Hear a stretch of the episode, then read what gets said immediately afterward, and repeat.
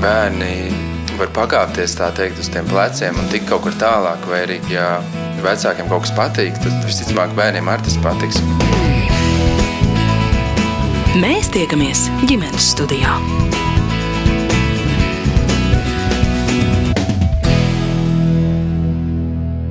Labdien, ģimenes studijā! Jūs sveicinu es Agnese Linka, un šodien, kā piekdienās ierasts, mēs dosimies viesos. Tiesa gan viesošanās atkal notiks ar virtuālas sarunu platformas starpniecību, taču šādam formātam šoreiz ir attaisnojums, jo tiekamies ar vienas ģimenes locekļiem, kas atrodas katrs pie sava datora, trīs dažādās pilsētās, divos dažādos kontinentos. Mani viesi šodien ir Valdis, Diana, Elizabete un Emīlija. Un, lai arī par katru sanāktu īpašs atsevišķs stāsts, šoreiz viņa ģimenes studijā ir visi kopā, kā Pavlovsku ģimene. Tētis un vīrs Valdis Pavlovskis ir režisors, dziesmu tekstu autors, dramaturgs, pasākumu producents un pasniedzējs augstskolā. Viņa sieva un divu meitu māma Diana vada Jelgavas dzimtsarakstu nodaļu. Pavlovsku vecākā meita Elizabete jau pusauģu gados paziņojusi, ka vēlas citiem bērniem un jauniešiem mācīt pazīt un mīlēt kultūru, vairākus gadus strādājusi skolā, pedagoģi un organizatori pēc aicinājuma. Tagad vada Imanta Ziedoņa fonda viegli iniciatīvu Ziedoņa klase. Savukārt jaunākās meitas Emīlijas stāstu iespējams jau esat dzirdējuši. Viņa pavasarī pabeigusi Rīgas doma kora skolas mūziklu nodaļu, izloloja sapni par tālākām studijām Manhetenas mūzikas skolā Ņujorkā. Tad šajā skolā, izturot milzīgu konkursu, ne tikai iestājās, bet arī saņēma dāsnu stipendiju. Taču puse mācību maksas un dzīvošana šai metropolē jau 25,000 dolāru tikai pirmajam mācību gadam vien bija jārod pašiem. Tad sākās viņu visu kopīgais darbs, kopīgā mērķa vārdā Emīlijai jātiek uz Broadveju. Šobrīd jau kopš augusta beigām viņa ir tur, arī ierakstam pievienojas no to dienas saulainas Ņujorkas, kad pavērš datora kameru sānis, mēs redzam stiklotu sienu ar skatu uz debesskrāpjiem. Mūsu saruna iesākas ar to, kā Emīlijai iet šobrīd un kāds tad tālais sapnis izskatās tūplānā bet kopumā šis stāsts būs par ģimenes spēku un to, kā veidojas tās ciešās saites, ko nopietni izaicinājumi un attālums tikai nostiprina.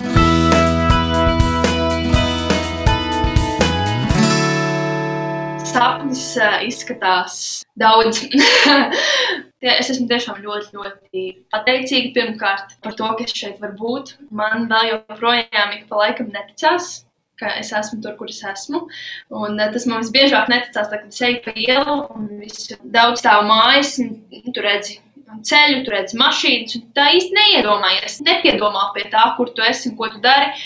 Un tad tu pagriezies kaut kur, un tad ir skats uz Ņujorku, un tad uz brīdi ir tā, ah, ok, forši. Un uh, tas ir tas pirmkārt, man liekas, tas mans. Uh, sapnis un kā tas izpaužās. Skolas dzīve ir diezgan intensīva, bet eh, man tas ļoti, ļoti patīk. Es teiktu, gan ģimenē, gan vidusskolā man ir tiešām iemācīta ļoti laba darba ētika, un tāpēc es to ārkārtīgi baudu. Es neredzu tajā tik lielu to varbūt smagumu. Es tiešām esmu ārkārtīgi vēl joprojām pārsteigta par to, cik daudz es jūtu, ka es šeit jau esmu iemācījusies un vēl varu iemācīties. Man neticās tas, ka arī tik lielā pilsētā strādā šis septiņu rokas spiedienu princips. Ar to, ka pie jebkura cilvēka pasaulē varētu nonākt caur septiņiem rokas spiedieniem. Un šeit tas tāpat kā Rīgā mums liekas, nu mēs esam mazi, tad tur būtu varbūt divi. Šeit ir tieši tāpat. Mani pedagogi ir jau Broadway veterāni vai paziņas kādam, kas šobrīd spēlē izrādes vai šobrīd režisē izrādes, man tas liekas absolūti senāli. Un, uh, tad es cenšos tikai kā tāda švamīte uzsūkt pilnīgi visu, kas uh, man tiek dots un ļoti skaisti. Ja drīkst piebilst, mums bija slepena iespēja caur Zoom palūkoties pagājušā nedēļas Emīlijas eksāmenu, viņi kopā ar kursbiedriem, un viņi tādā nelielā koncertā bez dekorācijām, bet uh, ar milzīgu centību un gribu dziedāja fragmentus no dažādiem populāriem mūzikliem un paši bija izdomājuši gan choreogrāfiju, gan režiju un, un pasniedzēja tikai vērtēju. Nu, es varu teikt, godīgi, nu, es ar saviem bērniem nekad nelielos. Pat bija tāds kurjos, kad nu, Anna Putniņa man vaicāja, klausies, tā Emīlija Paulaus, kas mācās domu skolā, tā nav kāda tava radiniece. Es teicu, tā ir mana meita. Viņa teica, kāpēc tu neteici par to? Es saku, kāpēc man te bija jāsaka par to, lai cilvēks pats stājās. Nu, tad šobrīd es varu teikt, ka noskatoties to Amerikas eksāmenu, ka nu, Emīlija bija, bija wow. Viņa bija ļoti laba. Kā rita tava sadzīve? Kas ir forši, kas ir grūti? Sadzīve ir četrās uh, sienās, jo tā ir pirmkārt skolas obligācija, ka pirmos divus gadus skolēns dzīvo kopmītnēs, un manā skolā kopmītnes ir savienotas ar skolas ēku. Ik pa brīdim es sev jāatgādina, kas man ir grūti, jo es esmu darba holiķis, eh, ka ir jāiziet ārā, un ir eh, bišķīt arī jāpabauda tā vieta, kur es esmu, jo citādāk es varētu tīri teorētiski pat eh, nezināt to, ka esmu Ņujorkā, jo es visu laiku esmu vienkārši skolas telpās. Es teiktu, tā ir tā grūtā daļa, ka grūtā daļa noteikti ir pierast pie pilnīgi citas mentalitātes. Jo it kā liekas, nu, mēs taču visi esam cilvēki, un mēs taču skatāmies visi amerikāņu filmas, un mēs jau apmēram zinām, kādi viņi ir. Bet uh, tas laikam bija tas, pie kā man bija grūtāk pierast, un es joprojām cenšos pie tā pierast. Man liekas, latviešiem tīpaši ir tāda iezīme, ka mēs esam ļoti tieši, vai nu mēs esam tieši un atklāti, vai nu mēs klusējam. Un tad šeit ir bijis šī otrādāk. Cilvēki ļoti ekstraverti un bieži vien uh, varbūt paliek virspusēji. Tad, kad mēs jautājam latviešu, kā tev iet, mēs tiešām mēs gaidām atbildi, mēs gaidām dzīves stāstu, mēs gaidām pēdējos nedēļas atskatu. Šeit tas ir vienkārši sveiks, kā tev iet, un tas cilvēks, kamēr tu domā atbildi, viņš jau ir kvartāli tālāk. Tas ir vienkārši tas pats sveiks. Un uh, pie tā noteikti bija grūti pierast. Bet uh, es tajā redzu arī kaut kādu pozitīvo pusi, jo man liekas, mums kā latviešiem ir mazliet arī problēma ar to skeptismu. Es zinu, ka man tā ir problēma, man patīk skatīties uz negatīvi dažreiz lietām, un tad šeit man bija šī pāraudzina ar to, ka, ja mēs komentējam kolēģi darbu, vai ja mēs skatāmies uz lietām, tad uh, mēs sākam skatāmies pozitīvo, un tad domājam pie tā, ko vēl var uzlabot. Un, jā, mana darba diena ir diezgan gara, jo manas stundas sākās apmēram desmitos, deviņos desmitos, arī līdz kādiem pieciem, sešiem. Pirmos, būtībā visus pirmos trīs mēnešus mums bija jāmēģinājumi šim uh, koncertu uzvedumam, ko valdes jau minēja, un uh, tie mēģinājumi gāja no septiņiem līdz desmitiem. Tad darba diena ir tādas 12 stundas, un tad ir jāsaņemās un jāizdara. Bet uh, man ļoti, ļoti patīk tas, ka tā programma, ko es izvēlējušies, ir uh, konservatorijas programma, kas nozīmē, ka visas stundas ir teiktu, tiešā veidā saistītas ar manu profesiju. Un tas, kas man iepriekš, varbūt vidusskolā, um, mazliet kaitināja aicināja, kā jau jaunam cilvēkam, kas grib darīt tikai to, kas pašam patīk, mācīties tur varbūt kaut kādu vēsturi vai dabas zinības, ķīmijas, fizikas, tādas lietas, ko es zinu, ka tas varbūt man neinteresē. Tad šeit ir katra stunda ir tas, kas man interesē, tas, kas man ir vajadzīgs, vai tā ir aktiermēstrī, vai tā ir dejošana, vai dziedāšana. Man ir ārkārtīgs prieks par to. Es pat esmu iemīlējusi uh, literatūras vēsturi, kas mums ir tāds humanitārais priekšmets, kas diezgan loģiski man kā latvietai, kurai jālasa tagad ir sengrieķu literatūra angliski. Tas varbūt ir izaicinājums, bet uh, es tajā esmu atradusi prieku. Varbūt var pašmaukties, palasīt arī latviešu kaut ko no tās sengrieķu literatūras, un tad atreferēt tikai angliski. Nu, šobrīd es vēl cenšos tā apzinīgi lasīt, bet tad, kad mēs nonāksim pie modernākām lietām un uh, aktieru meistarībā vajadzēs lasīt kādu Šekspīru lūgu, iespējams, sanāks latviešu arī lasīt.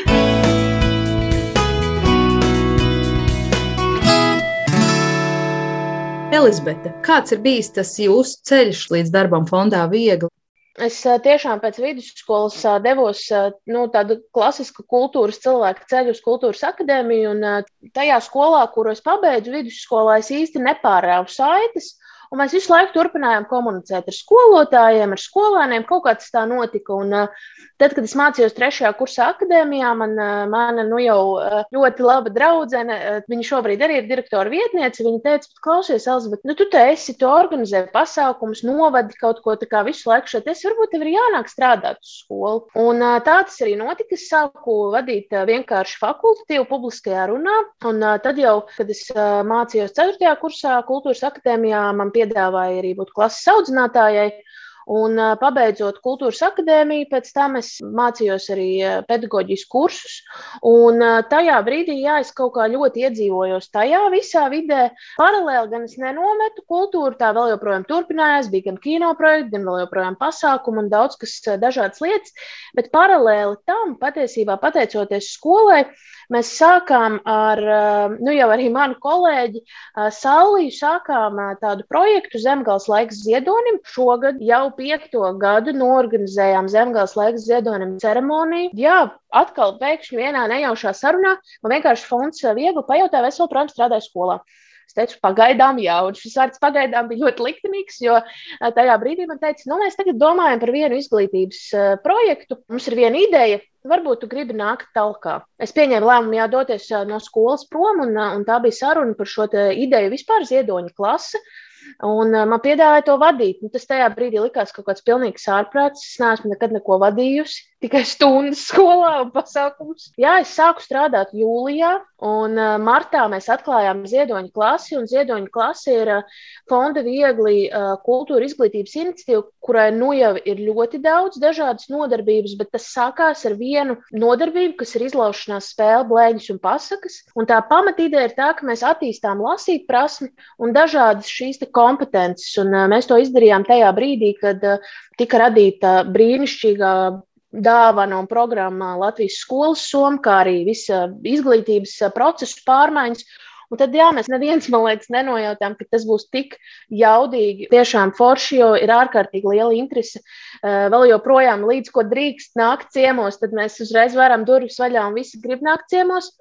Un, jā, un tā tas arī notika. Tās sezonas senāk kilograms kultūras uh, balvu pasniegšanā mēs ieguvām balvu kā gada pārsteigums. Un es ļoti satraukti teicu to runu. Tas bija tieši mēnesis pirms pandēmijas. Un, un tas bija ļoti, ļoti, protams, liels uh, grūdienis, jo tas bija tiešām sākums. Ziedoņa klase ar to sākās.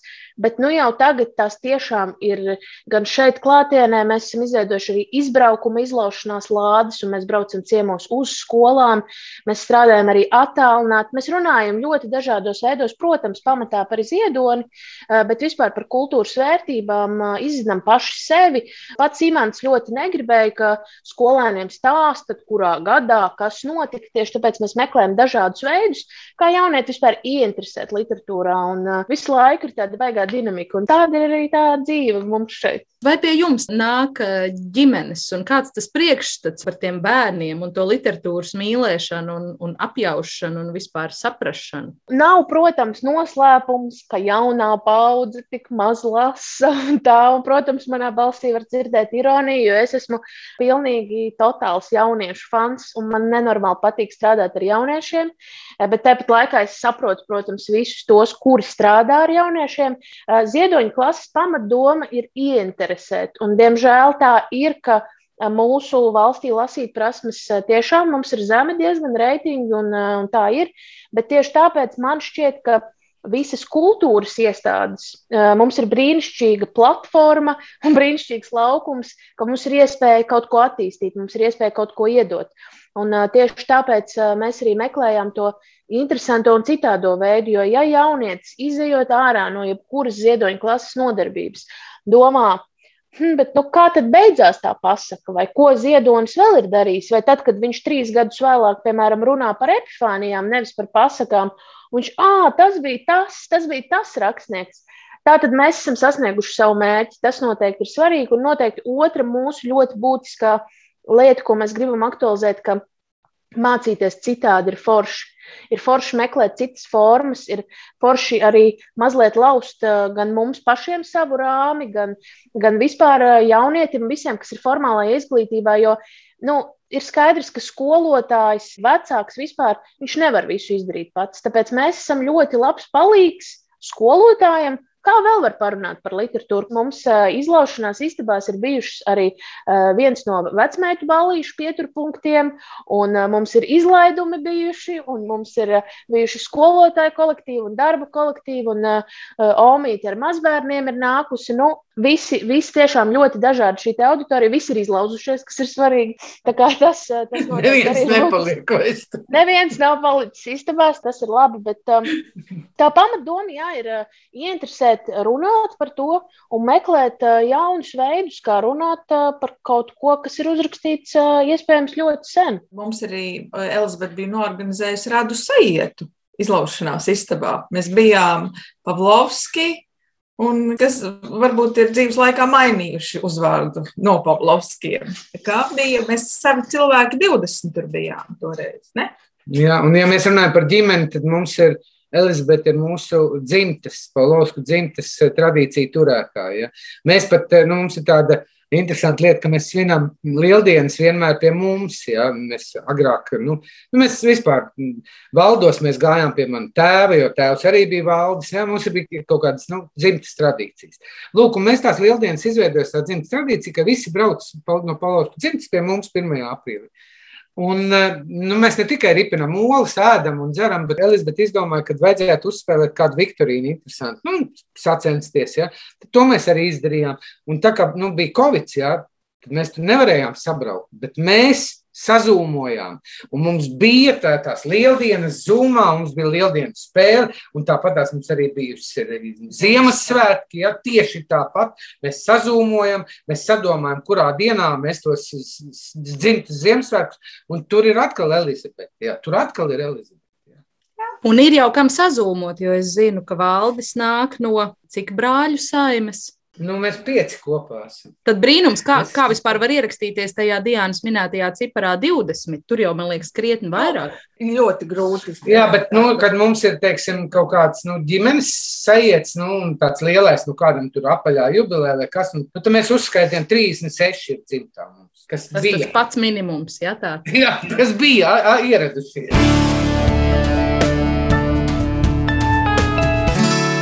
Vai jūs esat ar mieru arī pastāstīt, kā tappa jūsu ģimene? Jā, nu es neesmu pirmo reizi precējies. Man ir arī brīnišķīga meita no pirmās laulības, Katrīna, kas ir psihoterapeits. Arī viņa ir mūsu ģimenē, dzimtā.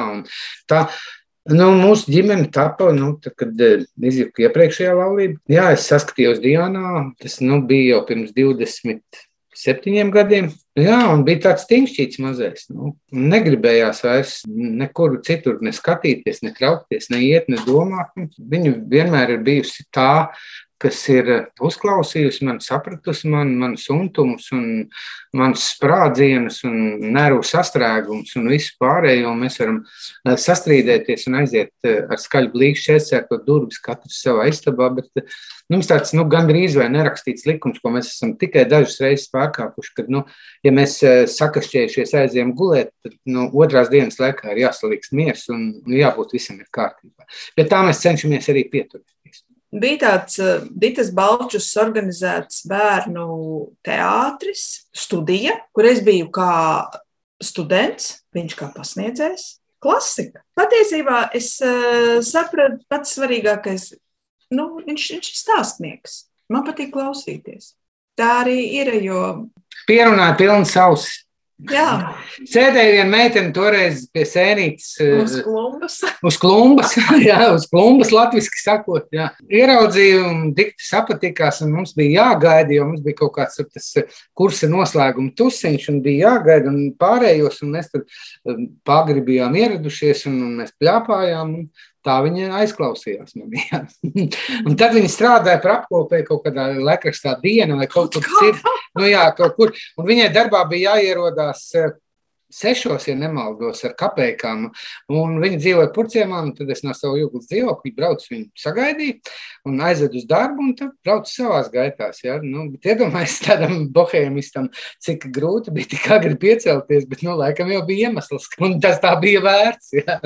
Šobrīd mums prieks ir eh, mūsu bērni. Ja, jo, nu, mēs paši, protams, arī esam ļoti aktīvi. Es jau nevaru arī nosēdēt ne Dienu, ne mēs nevaram bez, bez jebkādas kultūras. Ja, jo mēs esam aktīvi teātris gājēji un koncertu apmeklētāji. Un pat tad, kad mēs to nevaram, tad mēs mēģinam arī zūmā tam sekot un tā tālāk un tā joprojām. Ja, un, arī bērni, mēs lepojamies par bērniem. Un, nu, protams, nu, nu, es esmu nerūkamos, es krenķējos šausmīgi. Ja, es nekad dzīvē neiedomājos to, ka, nu, teiksim, Elizabete tādu spurtu uzņēmis eh, savā darbā, un es nekad neiedomājos, ka var sakasīt gada laikā 50 tūkstošus, lai Emīlija aizbrauktu uz Manhetenu. Ja?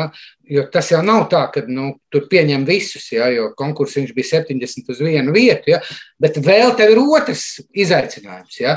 Vai tu dabūsi to naudu? Jo nu, ārzemēs jau izglītība maksā ļoti daudz. Un tad, kad nu, mēs kopīgiem spēkiem to izdarījām, tad mums Emīlijas tajā nu, labdarības koncertā, kas bija Ziedoņa zālē, bibliotekā, nāca cilvēki klāt un teica, jūs esat ļoti stipra ģimene, ja jūs varat tā viens otram palīdzēt. Un mēs nevaram sadalīt, nu, kurš vairāk izdarīja. Ja, tur Elizabete, vai Emīlija pati, vai Diana, vai Valdis. Ja, jo mēs bijām kopīgi komanda un taisa pasākumu. Tad tas nav, ka es esmu producents, un tu būsi režisors, un tu būsi mākslinieks, un es citu. Nē, mēs kopā dzīvojam tajā nu, visi iekšā. Un vienalga, ja viens nevelk, tad nu, otrs palīdz. Tur nav svarīgi, vai viņam ir sirma galva vai ne. Bet, ja viņš dara kļūdas, nu, tad tas otrs viņam pasaka, bieži vien izstrīdās. Bet Vienalga pasaka. Ja.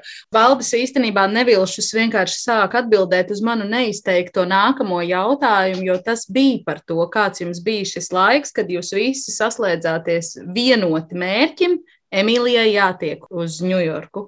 Viens jautājums, kas varbūt ir vēl pēc tam, kā tas ir palaist savu bērnu tik tālu, tik ambiciozs mērķis, tik ļoti nezināmajā, bet otra lieta ir izdarīt tiešām to šim pirmajam mācību gadam, savākt tik lielu summu. Tagad, kad ir jau pāris mēneši aiz muguras tam sprintam, tiešām kādu jūs atceraties eh, šo laiku? Tad, kad viņa man teica, ka viņa grib stāties, Protams, ļoti, ļoti gribēju, lai viņi kaut kur tuvāk stājās. Nu, šai pusē, šajā kontinentā, lai tu it kā teorētiski tuvāk būtu. Un gandrīz jau mēs bijām sarunas izveduši, kad varētu būt šis Londonas variants. Bet tad tomēr, nu jā, ir šī mūziklu dzimtene Ņujorka. Viņa jau arī teica, ka es mēģināšu, ko man darīt, tur arī par katru iestāju eksāmenu jāmaksā. Es teicu, protams, Protams, dari.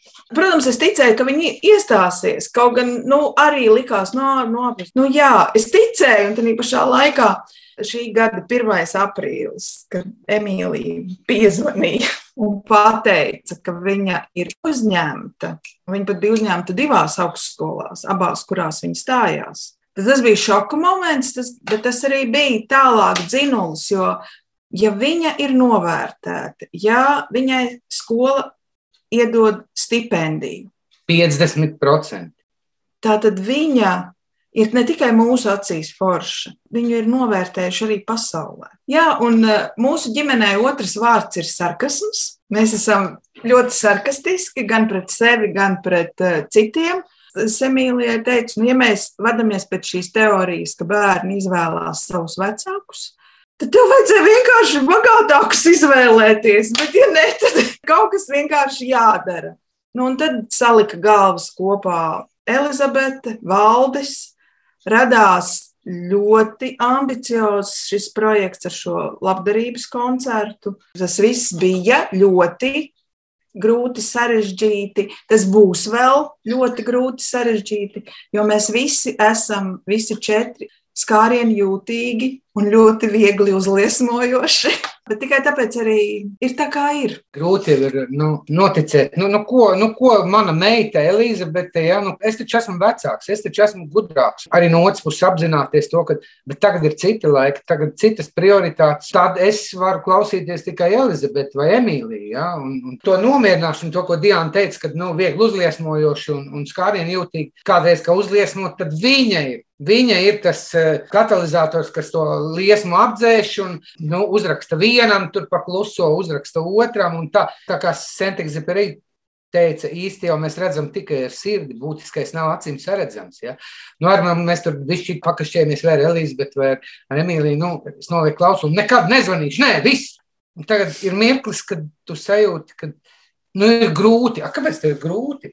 It kā jau nekas sevišķs, ja, bet kaut kas ir grūti kaut kas nav sakārtots. Un tad tu sakārto, ja? tad, tad tu esi spiests zvanīt vai uzrakstīt vai nu, kaut kā un tikt ar to skaidrībā. Ja? Un arī viņiem noteikti tāpat ir mana vecā āzija, ja? grūti tikt galā, ja? bet tā ir tā, laikam, tā ģimene. Tas ir tas svarīgāk. Un man ir draugs, ārprāts, bet 50 tūkstoši, bet tagad taču nākamgad vajadzēs, un aiznākam, un aiznākamgad vajadzēs.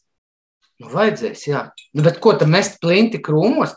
Ja viņa vienīgā no Latvijas ir tikusi Broadwayā, Broadwayā, neviens tur nav bijis, ja? tur nav mācījies, divās augstskolas, nu tā tad viņa kaut ko nozīmē. Un mēs ļoti ceram, ka arī var būt kāds uzņēmējs vai kāds labs cilvēks to sadzirdēs. Bija jau divi tādi, kas iedeva lielāku summu. Ja? Viens vispār svešs cilvēks, pilnīgi viņš neko nezināja. Viņš iedeva vairākus tūkstošus. Otrs cilvēks, kas mani zināja, Elizabete zināja, bet eh, pie viņa gāja Emīlija. Viņa runāja ar viņu, viņa viņu pārliecināja. Jā, nu, tā ir veiksme, protams. Tā nesauciet, kā gribat, eh, liktenis, dievžēlstība vai kā citādāk, bet nu, jā, tā tas ir.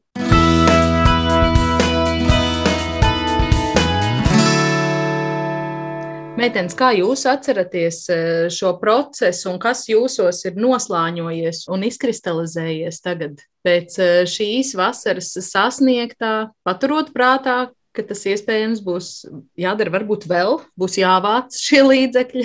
Lai arī mēs visi ģimenē esam ļoti emocionāli, ko droši vien varēja saprast no vecākiem, es tomēr sevi pieskaitu pie ļoti racionāliem cilvēkiem. Un, protams, ka mums ar Emīliju ir ļoti stipra māsu saikne, bet tomēr es šeit uz šo situāciju skatījos ļoti racionāli. Nu, viņa ir tikusi tur, tajā sapņainajā Amerikā skolā, Viņai vēl iedod uh, stipendiju. Vienkārši ir jādara, kā man kolēģi saka, darīšanas metode, kā mēs to izdarīsim. Ja? Es domāju, ka Emīlijas nonākšana uz Broadway skatuves, ko mēs zinām, ka tas vienkārši notiks agri vai vēl, tas ir tāds projekts. Mēs šo uztveram kā beztermiņa projektu, jo mums nav ne jausmas, vai tas būs pēc četriem gadiem, pēc desmit gadiem vai pēc četrpadsmit gadiem. Bet jā, es domāju, ka tas ir tiešām. Projekts, kurā mēs visi esam automātiski iesaistījušies, ņemot vērā mūsu saikni ģimenisko, vienkārši nu, nevar nedarīt. Nevar nedarīt un, un ņemot vērā, ka mums tā visa joma ir ļoti tuva. Es, protams, neliekšos, tas bija milzīgs izaicinājums. Ir īpaši šajā laikā, kad mums vispār viss laiks ir liels izaicinājums, bet tomēr tas iedod tādu realitātes apziņu, ka, ja tu reāli dari, tiešām ar tādu darbu, jo arī būtu droši vien muļķīgi stāstīt, ka ka, jā, kad notika apstākļu sakritības, kaut kas saslēdzās. Nu, arī Emīlija ir tikusi iekšā šajā skolā ar darbu. Nu, tāpēc, ka viņa tiešām vēlās to. Tas ir ārkārtīgi skaists process, ka nāk tie cilvēki uz to koncertu, un tu redzi, ka viņiem tas ir vajadzīgs. Un, un Emīlija ir nodziedājusi to divstundīgo programmu šiem māksliniekiem, Latvijā zināmajiem, un visi ceļās kājās. Un tu saproti, ka jā, nu, tas notiek, tas ir pa īstam. Un tu neesi pats uz tās skatuves Tev pat nav jābūt. Tu vienkārši esi, esi ziedoņa zāles aizskatuvē un saproti, bet tas tiešām notiks. Un Emīlijas kursbiedri stāv raud un saka, Dievs, viņi tiešām tūlīt aizbrauks. Mēs ar māmu vairākas reizes, man liekas, visu šo pavasari, vasaru runājām. Kā viņa aizbrauks, mēs nezinām, bet viņa aizbrauks. Mēs visu laiku mums bija šādas sarunas, un te nu mēs esam. No nu, Emīlija vārds jums. Nu, es piekrītu, pilnīgi. Jā, tas bija, tas bija ļoti liels piedzīvojums. Tas ir lielākais piedzīvojums un lielākās grūtības, kas man liekas, manā dzīvē, nosacītīsajā dzīvē, ir bijis jāpieveic. Un es pilnīgi piekrītu, ka tas ir uh, beztermiņa projekts. Teiksim, tā pirmais cēliens tam visam. Noteikti viss vēl nav paveikts, visam nav atrasts risinājums, teiksim tā. Nu, jā, es noteikti nevarētu neko no tā izdarīt bez savas ģimenes, ne morāli, ne fiziski. Jo bija brīži, kad tas bija nu, sākotnēji, protams, 1. aprīlī pirmā ideja ir pēc, protams, lielā prieka, kā mēs to izdarīsim. Jo nu, tās ir summas, par ko man liekas, cilvēks parastais Latvijā nedomā. Un es noteikti biju viens no tiem cilvēkiem, Un vēl joprojām tas, man liekas, tas ir kaut kas vienkārši tiešām grandios. Un tajā brīdī, kad kaut kas tik grandios ir jāpaveic, man arī, kā Elizabetē, man gribas darīt lietas racionāli, bet tajā brīdī, kad ir par saviem sapņiem, par savu nākotni, tad ir ļoti grūti palikt racionālam.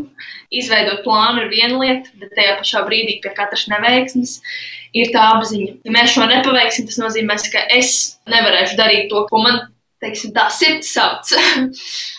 Tāpēc man bija tiešām, man vēl joprojām ģimene ir ārkārtīgs atbalsts, jo Elizabete māca ar mani runāt. Viņa māca man iedvesmot. Tas, man liekas, ir tāds standarts māsu situācija, ka vecākā māsa ir pirmā, pēdējā, vidējā iedvesma. Un eh, tas ir eh, cilvēks, uz ko es vienmēr esmu skatījusies un iedvesmojusies, redzot to, cik viņa ir daudz izdarījusi un cik daudz viņa rada. Tas man vienmēr ļoti ir iedvesmojis, it īpaši kā kultūras cilvēkam. Tas vairs nav par to, ka mēs atražojam vai mēs interpretējam kaut ko eksistējošu. Bet Elizabete ir ļoti labs piemērs tam, ka arī kultūrā vēl kaut ko jaunu radīt, var atrast jaunas lietas. Un nav tikai tas, ko mēs jau redzam. Un, man liekas, šis bija izcils piemērs tam, ka mums bija jāatrod jauns variants, kā to izdarīt. Jo, jā, neviens mūzikus vēl Ņujorkā Latvijas nav mācījies. Un tāpēc nav neviens, kam pajautāt padomu. Un arī šobrīd, šeit esot, kad liekas, jau kaut kas jau ir sasniegts, jo es tomēr esmu šeit, būt prom no mājām arī ļoti sarežģīti. Un būt citā vidē, tik tālu no saviem cilvēkiem, arī ir morāli smagi. Es uh, no sākuma ļoti dusmojos, kad viņi teica, tīpaši Elizabete, Elizabete bija pirmā. Uh, es teicu, ka es skumstu, un es ļoti gribu mājās. Un Elizabete pateica, es gan negribu, lai esi mājās. un es, protams, pirmā reakcija ir, Ko tu runā? Es esmu tik tālu, kāpēc tu nevari būt iejūtīga? Un Elizabete teica, tāpēc, ka tev tur ir jābūt. Tu dari to, kas tev ir jādara. Tu seko saviem sapņiem. Un tad mēs nonācām pie tā, ka varbūt es varu gribēt viņus satikt, es varu gribēt, lai viņi brauc ciemos, bet es esmu tur, kur man ir jābūt. Un tas uh, man ļoti, ļoti motivē dienā. Ir nepieciešams tas pirmais cilvēks, kas iemin to taciņu, kas pamēģina, kas pataust ūdeni un pasaka, kā tad ir. Un uh, tad, kad mēs kaut ko izdarām, tas vairs neliekas tik ļoti neiespējami, jo es taču tikko to izdarīju. Tas jau vairs neskaitās. Man tā bija nonākšana šeit, jo es nonāku šeit, un es jau, protams, kaut kādā mērā sāku pierast pie tā. Un tad ir ļoti sirsnīgi tas, ka ir kaut kādi jaunieši no Latvijas uzraksta ziņu par to, ka, wow, es neticēju, ka tā var, tu man esi iedvesmojusi pamēģināt to. Vai man ļoti patika, kā viens Rīgas Nonkurs skolas students man rakstīja. Man, protams, ir ļoti liels prieks par tevi. Man tagad gribās izdarīt vēl vairāk. Man liekas, tas ir tik skaisti, jo es darīju tieši to pašu. Man liekas, ka tas bērniem vispār ļoti veselīgi ir, ka viņi redz, ko dara vecāki un arī uzsūc pamazām to visu. Mēs tiekamies ģimenes studijā.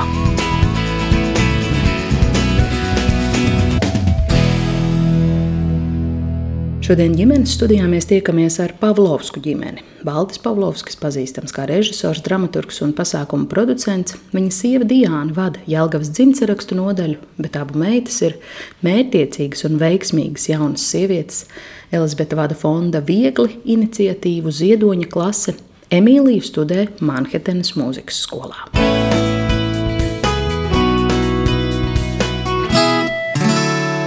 Es gribu Valdim un Diānai pajautāt, kā audzina šādus bērnus? Cilvēkus, kas ir ambiciozi, kas ir pirmie, kas iemin taciņu un iet pastaustīt ūdeni un pasakt citiem, kā tas ir, kas rada jaunas lietas, un tāpat laikā tas nav stāsts par māsu konkurenci vai par kaut ko tādu. Nē, nu, tas ir par atbalstu, par, par, jā, par palīdzīgas rokas pasniegšanu, par visstiprāko iespējamo plecu. Kā jums šķiet, kur un kā tas ir vecāku nopelns, vai tā ir? Kā vecāki to var izdarīt, vai tam ir recepte? Man liekas, ka receptes nav. Viņas ir izaugušas pašas. Vai gribētos domāt, ka laikam tas mūsu piemērs varbūt nav tas pats sliktākais, jo mēs varbūt esam bieži pavadījuši visādos darbos, nu, kā arī Emīlija teica, tas darba holisms. Mēs esam visu laiku bijuši procesā. Nebija tā, ka viņas būtu bijušas pie vecvecākiem dzīvojušas. Emīlija, man liekas, ir diezgan uzaugusi leļu teātrī. Viņa leļu teātris skroderdienas valda zināja labāk nekā Nacionālā teātris skroderdienas.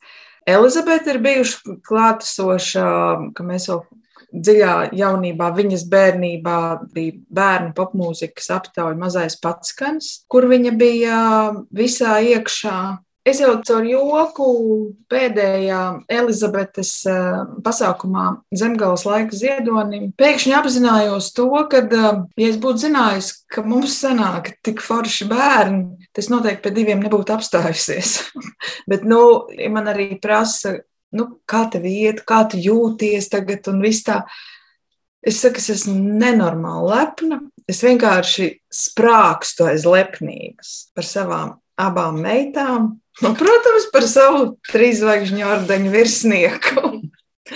es vienmēr kā smējos, es esmu pievienotā vērtība šai trijotnei. Es viņus ļoti, ļoti mīlu. Man liekas, tā, ka eh, neko nevar iemācīties eh, skatoties. Ja? Es domāju, audzināšana arī tas, tas pats process ir. Nu, nevis kaut ko teorētiski spriest par to, bet nu, likt darīt. Nu, tas ir tā, kā man bērnībā mācīja peldēt. Ja piesēž ņūri ap vidi, ja, un no laivas iemet ūdeni. Tad, kad tu jūti, ka tas ūdens tevi nes, ja, un tās šņūra tev pietur, nu, tad tu pats sāc ķeproties. Vienreiz vienmēr es domāju par to, kāpēc eh, mēs iebāžam siltumnīcā tomātu un briesmīgi lutinam viņu viņu lolojam tā tālāk, un viens paliek pāri un nu, iestādām viņu zem klājas debesis. Ja? Jocīgi, bet zem klājas debesis viņš izaug labāk nekā tas tur siltumnīcā, ko mēs laistam, mēslojam, čubinam un tā tālāk. Tas aiziet lapās tikai un ziedos, ja? un tomāts ir maziņš, maziņš. Ja? Bet tas ārā, kas tur pats cīnās, ja, viņam tādu lielu bumbuļu. Nu, tad ir tas jautājums, vai vienmēr visu vajag ar karotīti mutē ielikt. Bet tas ir process. Vai nav tā, ka mēs tagad par daudz visādām tādām lietām visu mēģinām tā teorētiski izdarīt. Bet, kā teica viens no maniem pasniedzējiem, iestudējot izrādi, teorija ir vajadzīga sākumā, lai tev viss būtu skaidrs. Bet tad, kad tu iestudē to izrādi, tad tu atgriezies pie tās teorijas tikai tajā mirklī, ja tu nonāc kādā strupceļā. Man liekas, tāpat arī bērnu audzināšana. Nu, man vēl arī gribās teikt to, ka ir ļoti, ļoti svarīgi e, mērķi. Jā. Nu, ka katram dzīvē ir mērķis. Acīm redzot, mums ir, viņām Viņām ir, ir ļoti, ir jau kaut kāda apstākļa arī sakritība. Skolā viņas iemācījās mācīties. Tiešām neesam sēdējuši pie stundām, pie grāmatām. Vienīgais Emīlijai bija krievu valoda. Elizabetei arī tās, kas bija trešās valodas, tās, bet pārējo meitenes ir patstāvīgi iemācījušās. Ir laikam viņām pareizie cilvēki bijuši vēl bez mums blakus.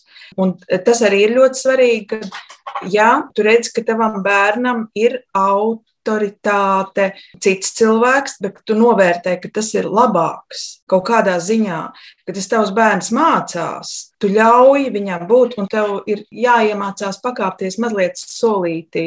Tas nav viegli, Es atceros, man ar Elizabeti tas bija visgrūtāk, kad viņas skolotāja, pēc tam kolēģe, viņa, viņai bija lielāka autoritāte par mani. Bet es ar to tiku galā, jo es sapratu, ka viņa ar to iegūst iemācīties klausīties, jā, skatīties un, un vērot. Jā.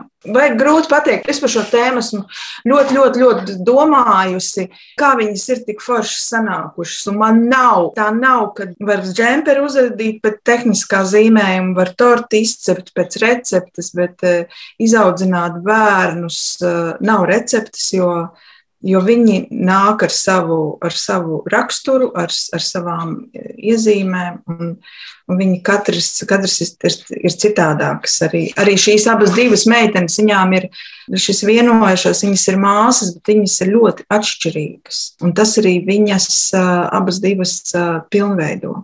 Un vēl man liekas, ka ir ļoti svarīgi nekautrēties mīlestības. Mūsu sabiedrībā tagad ir tā, ka nu, mums ir kauns bučot ja, uz vaiga vai galviņu noglaudīt. Nu, ja tas bērns nav izjūtis glāstu, samīļojienu, Tad nav. Nu, mēs arī nekautrējamies bērnu klātbūtnē apķerties savu sievu. Vienmēr esmu apķēris un, un samīļojis. Un buča, jā, mums sarunas beigās vēl šodien ar Emīliju jā, ir buča, jā, vai ar līžuku. Jā, ir buča, mēs sarunājamies kaut kādā zūmā, jā, un tad man liekas, ka tā nu, mīlestības piemēru rādīšana. Tas arī ir ļoti svarīgi. Un visi prasa, kā jūs pieci brāļi, ja vecākiem drīz būs 70, ja jūs visi satiekaties un visi esat kopā. Jā, mums ir katram savas utis, bet jā, nu, tas ir kaut kas tāds. Jā, tā ir mīlestība. Nu jā, un vēl arī tas, ka nevēlēties, lai bērni piepilda pašu vecāku sapņus. Es arī varu teikt, ka es, es nebiju ārkārtīgi laimīga, ka Elizabete pateica, ka viņa eh, mācīsies eh, kultūras akadēmijā, jo man likās nabagu eh, maize, ko ta viņa pelnīs, jo gribās jau, lai bērni ir situēti. Katrā gadījumā, jā, jurists vai zobu tehniķis vislabākajā, tas, ka tu zini, kad viņi nodrošinās arī, arī manas vecumdienas, ne tikai savējās. Bet mani ļoti aizķēra, ka Elizabete kaut kādā vidusskolas laikā pateica, es gribu bērniem mācīt mīlēt kultūru. Un man tas likās tik jaudīgi, ka cilvēks savos 11 gados var šādu misiju izjust. Te nu viņa ir. Tāpat arī otra meitene, kas pēc 9. klases, Emīlija, pati aizgāja uz domu koru skolu. Korī varbūt viens solo viņai bija, nebija tādas izcilas. Kā mēs esam arī ģimenē smējušies. Viņa līdz Ņujorkai aizgāja savā otrā stāva istabā. Klusi, mērķiecīgi, to pēdējo gadu dziedāja, mācījās, dejoja. Mūsu meitenes eh, ir dzīves skarba, ja? viņas ir mācījušas arī nu, dabūt pa ģīmi grābekļa kāpu. Ja? Un, un pabeidzēt to pieri, ja? noskurināties un iet tālāk, jo mēs paši tādi esam. Bet, lūk, to, ko Diana teica, neizlemt bērnu vietā, man liekas, ka tas ir vissvarīgākais. Jo viņam jau tā dzīve būs jādzīvo. Tu vari mēģināt atrunāt, tu vari mēģināt iespaidot, bet izlemt bērnu to nedrīkst nekā. Ja viņam nav mērķis, tad ir, ir trakāk, tad ir jā, jāvirza kaut kur. Bet, ja ir mērķis, tad ir tikai jāpalīdz to sasniegt, būs rezultāti. Meitenes grib atkal jums dot vārdu un vaicāt no jūsu skatu punkta, kā ir, cik lielā mērā viņi ir iedvesmojuši vai, vai palīdzējuši definēt tos mērķus, vai virzījuši vai veidojuši jūs. Es šoreiz varbūt sākšu. Jā, nu man vismaz noteikti, es domāju, ka Elizabete jūtas tāpat, bet vecāki ir ļoti, ļoti iedvesmojoši un atbalstījuši visu, visu laiku. Un, ar ko iedvesmojoši? Ar ko? Es teiktu, ka tētis vistiešākā veidā iedvesmoja ar kultūru, ar to, ka tiešām vislielāko daļu savas bērnības pavadīja Latvijas teātrī. Un, uh, tās ir tādas lietas, ko es tajā brīdī vispār neapzinājos. Un tas nāk atpakaļ pēc gadiem. Jo tad, kad es sēdēju skrodarbdienu mēģinājumos man vairāk interesē, ka kvartāla tālāk ir uh, saldētā jogurta vieta. Un, uh, ja pasēž divas stundas, un tad pačīgs tētim, tad iedod divus latus, un tad var aiziet arī pēc saldēta jogurta. Un man neinteresēja, kāda tur māksla notiek skatus. Bet tas nāk pēc gadiem. Tad, kad es biju jaunāka, manuprāt, līdz kaut kādam 13, 14 gadu vecumam, jā, man ņēma līdzi uz koncertiem, man ņēma līdzi uz bērnu izrādēm, un tad bija kaut kāds pāris gadu pauze, kad es īsti vairs nebiju tajā vecumā, kad vēst uz bērnu izrādēm, bet es nebiju arī vēl gatava nopietniem teātrim. Un īstenībā es joprojām atceros to, cik es ļoti jūtu to iztrūkumu. Un es vecākiem daudz, tīpaši mammai, daudz jautāju, kāpēc man neņem līdzi.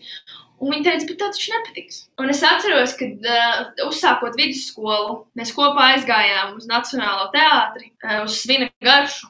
Un tas bija brīdis, kad es biju sasniegusi savu pieaugušo izrāžu vecumu. Un tas bija arī brīdis, kad es sapratu, wow, man ļoti patīk teātris. Uh, jo es ļoti ilgu laiku biju pārliecināta, ka es ne, nekad nebūšu aktrise, uh, jo es redzēju arī to grūto pusi. Es redzēju tos garos mēģinājumus, es redzēju, cik tas viss ir smagi. Un es redzēju to, ka Elizabete ļoti gribēja būt kultūrā un varbūt pat vairāk uz teātri. Un es domāju, tad es atvieglošu vecākiem prātu un iešu citā virzienā, vismaz uz mūziku. Un tad sapratu, ka nē, man tas ļoti interesē. Un tā es lēnām nonācu līdz tam, ka es pati gribu būt teātrī, muzikālajā teātrī, bet teātrī. Un tas, kas no mammas puses man vienmēr iedvesmoja, viņa gan saka, ka viņa nav kultūras cilvēks, viņa ir tikai pievienotā vērtība. Es tam pilnībā nepiekrītu. Viņa saprot, kā kultūra var likt justies, un viņa mūsu ģimenē bija tas mazliet varbūt cits skatu punkts. Kaut kādā mērā mums trījiem māsai un tētim vienmēr bija varbūt kaut kāds līdzīgs viedoklis. Māma varēja paskatīties mazliet no malas. Un, jā, galvenais, tas, ko es iemācījusies, ir nepadoties, iet pēc tā, ko sirds kāro, bet, ja tu izvēlēsies kaut ko darīt, darīt līdz galam. Tā ir arī noteikti atbilde tam, ka man daudz cilvēku tagad jautā, kā tu tā varēji aizbraukt uz Ņujorku? Kā tu tā varēji, kā tu tā izdomāji? Un es nekad nezinu, kā atbildēt. Man to vajadzēja. Un tad, kad tev kaut kas tik ļoti rūp, tu vienkārši ej un to dari. Jo tev nav citu variantu. Man liekas, tas ir arī tas, kas mūsu ģimenē ir iemācīts. Jo mūsu vecāki nekad nav atrunājuši mūs no tik pārliecinātiem sapņiem un tik pārliecinātiem mērķiem. Nu, es nezinu, man jau liekas, ka te var uh, skatīties no daudz, dažādām pusēm. Vai tas ir gēns, vai tas ir kaut kāds kods. Ne, es nezinu, te var bezgalīgi meklēt kaut kādas atbildes. Bet, nu, protams, ka kaut kādā mērā noteikti ir kaut kāds gēns, bet tāpat laikā tas ir arī jā, apstākļus, kurā mēs esam uzaugušas, jo visu laiku bija kaut kādi pasākumi, koncerti, teātri un tā tālāk. Tas būtu ļoti dīvaini, ja es visu dzīvi būtu vest uz kultūras notikumiem, un man tagad šausmīgi tas nepatiktu. Runājot par mums kā personībām, tas noteikti arī veidoja to, ka tā vide ir dinamiska, jo es arī atceros, ka vispār bērnības, visas nedēļas nogales mēs vai nu braucām ciemos pie kāda, vai kāds pie mums. Tad sabiedriski aktīvi, tā kā vai nu tie ir radi vai kaut kā tā, un no tēta puses ir tiešām tas radu pulks ir milzīgs, mums ir ļoti daudz brālēnu māsītes, un, un tas atkal ir tas ģimeniskuma aspekts, jo es atceros, ka man liekas, ka šajā vasarā mums bija kaut kāds radu pasākums, vai māsīcē bija kāzas vai kas, Un es teicu, jā, man jā, nu, kolēģiem vai draugiem teicu, ka jābrauc uz radu notikumu. Un es biju tik priecīga, ka mēs satiksimies visi un tā.